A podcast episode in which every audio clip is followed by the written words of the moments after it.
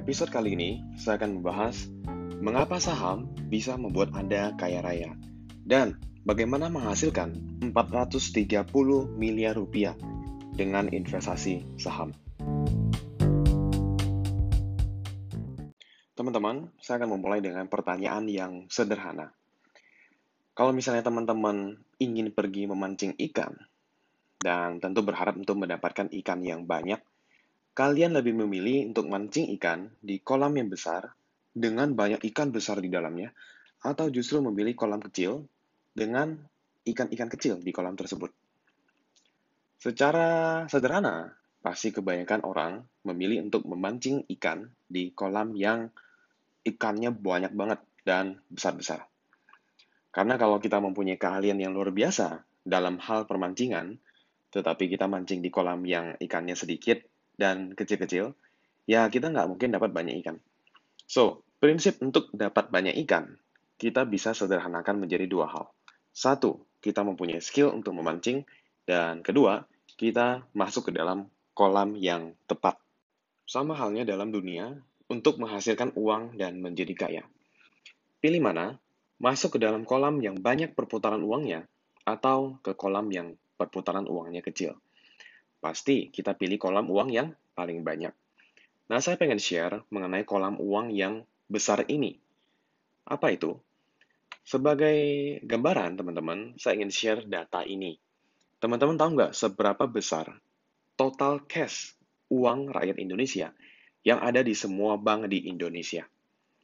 Nah, dari data yang saya temui di akhir tahun 2017, itu tercatat sebesar 5.400 triliun rupiah cukup besar. Teman-teman bayangkan 5.400 triliun ini kita beliin bakso. Itu bisa jadi gunung bakso. Dan total nilai semua perusahaan publik di Indonesia yang sudah melakukan IPO, ya seperti perusahaan Astra, Unilever, Jasa Marga, eh, banyak bank besar di Indonesia, property developer, kontraktor, beserta 500 perusahaan di Indonesia lainnya, ya perusahaan yang besar-besar semua. Nah, kalau semuanya perusahaan tersebut, kita beli secara cash. Nah, itu dibutuhkan nilai sebesar 6.400 triliun rupiah. Nah, kita dapat satu bayangan, ya kan? Artinya, semua uang masyarakat di Indonesia, kita nggak bisa beli semua perusahaan publik di Indonesia. Karena nggak cukup, teman-teman. 5.400 triliun berbanding 6.400 triliun. Jadi kurang lebih kita kurang 1.000 triliun. Saya cukup yakin teman-teman pasti pernah mendengar perusahaan Apple. Nah, mungkin kalian juga menggunakan produknya seperti iPhone, iPad, iPod, ya, iWatch, dan MacBook, dan masih banyak lainnya. Nah, tahu nggak sih nilai satu perusahaan Apple ini berapa, teman-teman? Ya, let's say kita mau membeli perusahaan Apple. Nah, harga company ini, teman-teman, itu sebesar 15.000 triliun rupiah. Oke, okay, 15.000 triliun rupiah. Tadi masih ingat ya data yang tadi saya share mengenai total perusahaan di Indonesia yang totalnya 6.400 triliun dan semua uang masyarakat di Indonesia yang jumlahnya 5.400 triliun. Itu kalau kita totalkan, itu jumlahnya 11.800 triliun. Anggaplah 12.000 triliun, teman-teman. Nah, total uang itu nggak bisa beli satu perusahaan Apple. Sedih nggak tuh? Semua perusahaan di Indonesia kita jual. Plus, total semua uang masyarakat Indonesia itu nggak bisa beli satu e, perusahaan Apple. Gila banget, ya kan? Nah, padahal di Amerika itu kan nggak cuma satu perusahaan Apple, teman-teman. Masih ada Microsoft yang valuasinya 11.000 triliun, masih ada Amazon 10.000 triliun, ada Walmart yang 4 ribuan triliun, terus Netflix ya itu sekitar seribuan triliun, dan masih ada 10.000 perusahaan lainnya yang terdaftar sebagai perusahaan publik di US. Nah itu cuma US, belum Eropa, belum China, dan banyak negara di Asia lainnya. Dan semua perusahaan besar itu, baik di US atau di Indonesia, kita bisa ikut membeli sahamnya. Artinya kita bisa ikut nyemplung ke kolam besar yang perputaran duitnya itu gede banget di kolam tersebut. Mungkin masih banyak yang ngomong kayak begini. Oke, Ya deh, pasar saham itu perputaran uangnya besar banget. Hebat, ya kan? Luar biasa. Tapi bukannya resiko invest saham itu besar banget. Nah, saya pengen bahas tuntas, teman-teman. Sebelum saya mulai, kita harus sadar, apa pun yang ada di dunia ini, itu ada resikonya. Bisnis itu juga resiko, ya kan? Kita kerja di perusahaan orang lain, itu juga ada resikonya. Sebagai data aja yang saya pengen share, 80% bisnis, teman-teman, di tahun pertama itu mati. Dan 80%-nya lagi dari 20% itu mati lagi, teman-teman. Jadi di tahun kelima yang bertahan itu hanya 4% saja. Bagaimana dengan pasar saham? Nah, saya pengen share menggunakan data. Teman-teman tahu nggak kalau misalnya kita invest ke semua perusahaan publik di Indonesia, perusahaan apa pun itu, baik yang rugi, baik yang sudah bangkrut mungkin, dan profit besar, 10 tahun terakhir dari tahun 2017, itu per satu tahunnya, teman-teman, itu bisa menghasilkan kurang lebih 12%. Jadi, keuntungan rata-rata dari 10 tahun terakhir itu 12%. Artinya, nggak ada risiko investasi saham kalau kita invest jangka panjang, teman-teman. Dan 12% itu besar banget. Masih ingat nggak eh, podcast yang keempat, yang sebelumnya, yang saya share soal si A dan B. Yang si A itu yang invest cuma 180 juta rupiah sejak usia 19 tahun, itu bisa menjadi 10 miliar rupiah di usia 65 tahun. Itu dengan bunga 10%.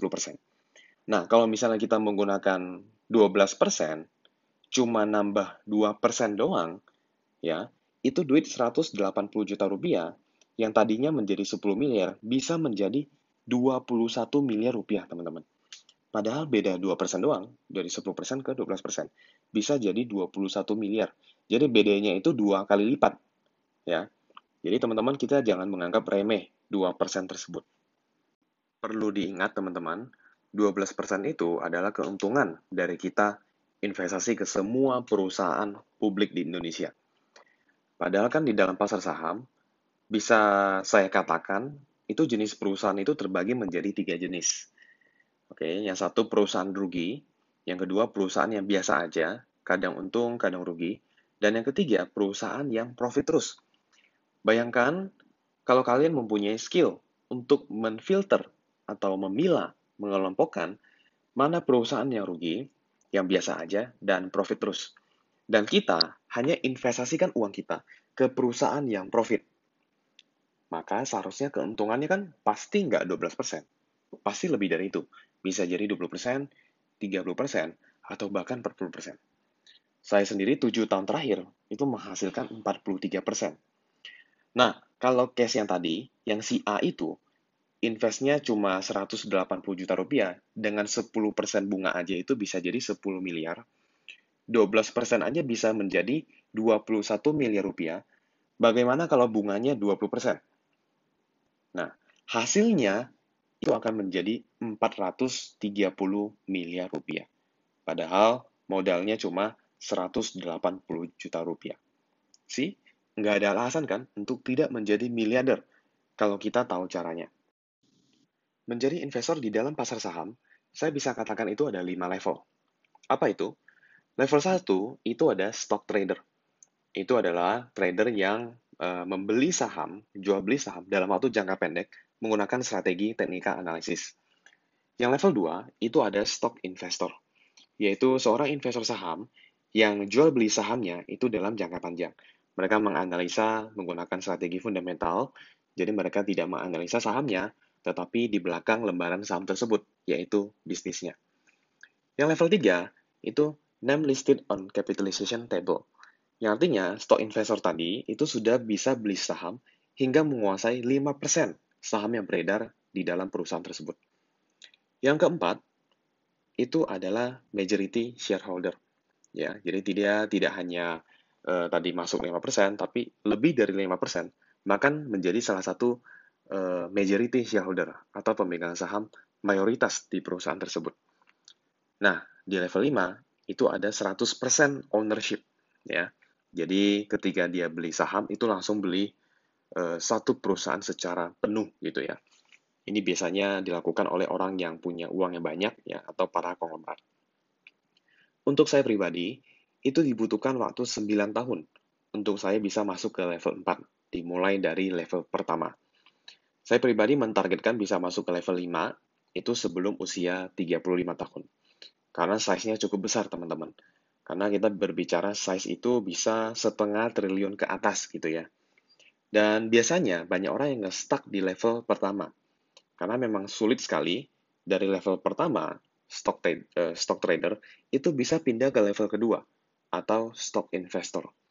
Karena level 1 dan level 2 itu totally different, teman-teman secara mindset, dan secara skill.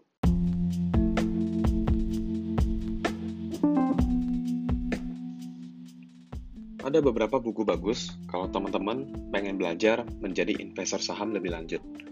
Pertama, tentu buku saya ya sekalian promosi itu anak muda miliarder saham judulnya.